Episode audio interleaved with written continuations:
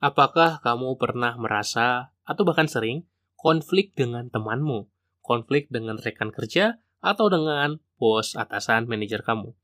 Mungkin alasannya adalah cara berpikir yang berbeda. Bukan hanya komunikasi loh, tapi thinking style, gaya berpikirnya beda, jadi nggak connect satu sama lain. Terus kamu harus kenali dong cara berpikir kamu seperti apa. Nah, itu yang akan kita bahas. Simak sampai akhir. Halo, selamat datang di podcast Cerita Pembelajar. Kamu akan mendengarkan cerita mengenai pengalaman, gagasan, dan pembelajaran.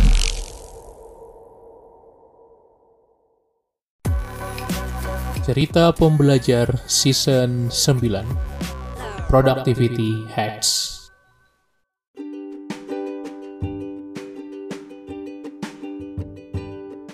Halo, halo, halo Sobat Pembelajar. Di episode kali ini kamu akan mendapatkan identifikasi terhadap cara berpikir kamu.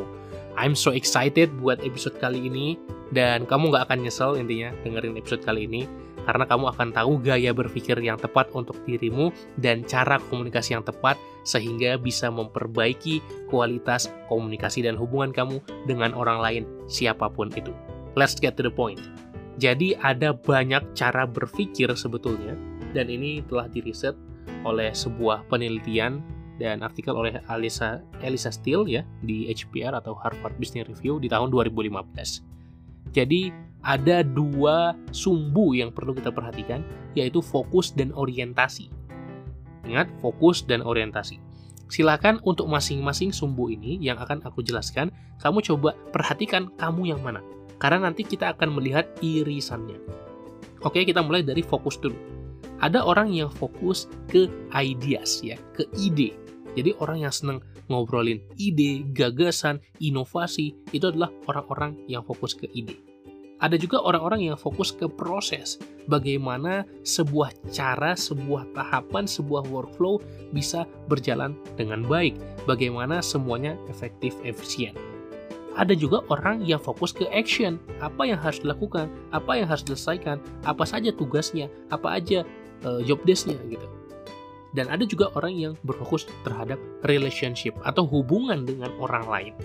Hubungan dengan teman kita. Gimana cara membentuk lingkungan kerja yang menyenangkan? Bagaimana cara membentuk komunikasi yang harmonis? Itu berarti fokus ke hubungan, ke manusianya. Pertanyaannya, kamu fokus ke yang mana? Coba Aku kasih waktu untuk kamu berpikir sekarang sejenak, kamu fokus ke ide, ke proses, ke aksi atau ke hubungan, ke orangnya, ya.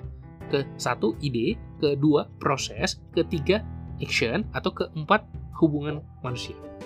Silahkan pikirkan dengan matang kamu bagian fokus yang mana. Kita akan lanjut ke orientasi. Orientasi ini ada dua, ada orang yang berfokus pada big picture, gambaran besar dari sebuah fenomena, dari sebuah kejadian, jadi bisa kita bilang helikopter view ya, atau melihat sekaligus secara keseluruhan semuanya, atau details ya. Orientasinya details, hal-hal yang kecil-kecil, hal-hal yang sederhana, hal-hal yang detail dia bisa lihat. Nah, kamu orangnya lebih ke yang mana? Big picture kah? Ya, gambaran besar atau detail hal-hal kecil? Ini tidak ada yang lebih baik yang mana, enggak, tapi ini hanya tipe saja, hanya style aja, hanya gaya saja. Sudah? Sudah kamu tentukan?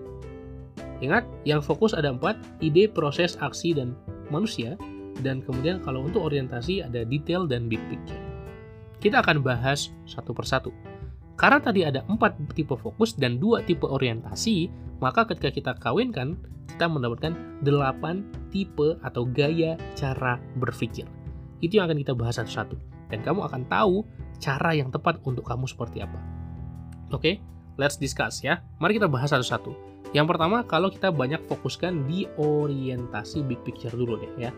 Jadi kalau di orientasi big picture, kita bisa lihat yang big picture dan ide. Jadi kamu kawinkan dua tadi, big picture dan ide, maka kita sebut dia explorer, orang yang senang explore, yang mikir ide-ide kreatif ya. Jadi biasanya idenya banyak, uh, suka berpikir out of the box, dan akhirnya mengimplementasikannya berdasarkan inovasi. Nah, ini tipe explorer, senang explore hal baru.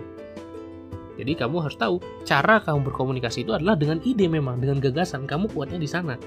Jadi cari orang yang mungkin bisa membantu kamu dalam actionnya, dalam perencanaannya. Karena kamu harus tahu cara komunikasi yang tepat. Yang kedua adalah big picture dan juga proses. Nah, ini kita sebut sebagai tipe planner atau perencana.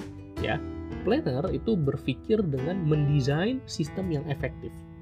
Oke, mendesain sistem yang semuanya itu tertata dengan rapi. Supaya apa? Supaya bagus ketika eksekusi nanti. Maka dia adalah orang yang senang membuat prosedur, membuat SOP, dan menjalankan sesuatu berdasarkan prosedur tadi. Kemudian yang ketiga, big picture kita gabungkan dengan action, tipe aksi, fokusnya, menjadi energizer.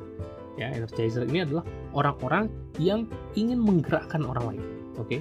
yang kasih semangat ke orang lain, yang bisa membuat orang lain berapi-api semangat seperti dirinya juga, bisa memotivasi dan menggerakkan orang lain untuk action, untuk mulai bekerja, untuk mulai melakukan aksi. Kemudian yang big picture dan juga uh, relationship fokus kita sebut sebagai konektor. Orang yang senang menghubungkan satu orang dengan orang lain. Sehingga dia tugasnya membangun, membentuk hubungan yang lebih kuat lagi.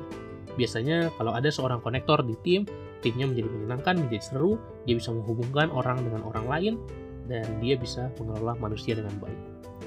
Kemudian masuk ke orientasi tipe details. Orientasi details gabung dengan fokus idea, maka kita sebut dia sebagai tipe expert. Nah, tipe expert ini biasanya berpikir tentang bagaimana mencapai objectivity, mencapai insight baru, mencapai knowledge baru.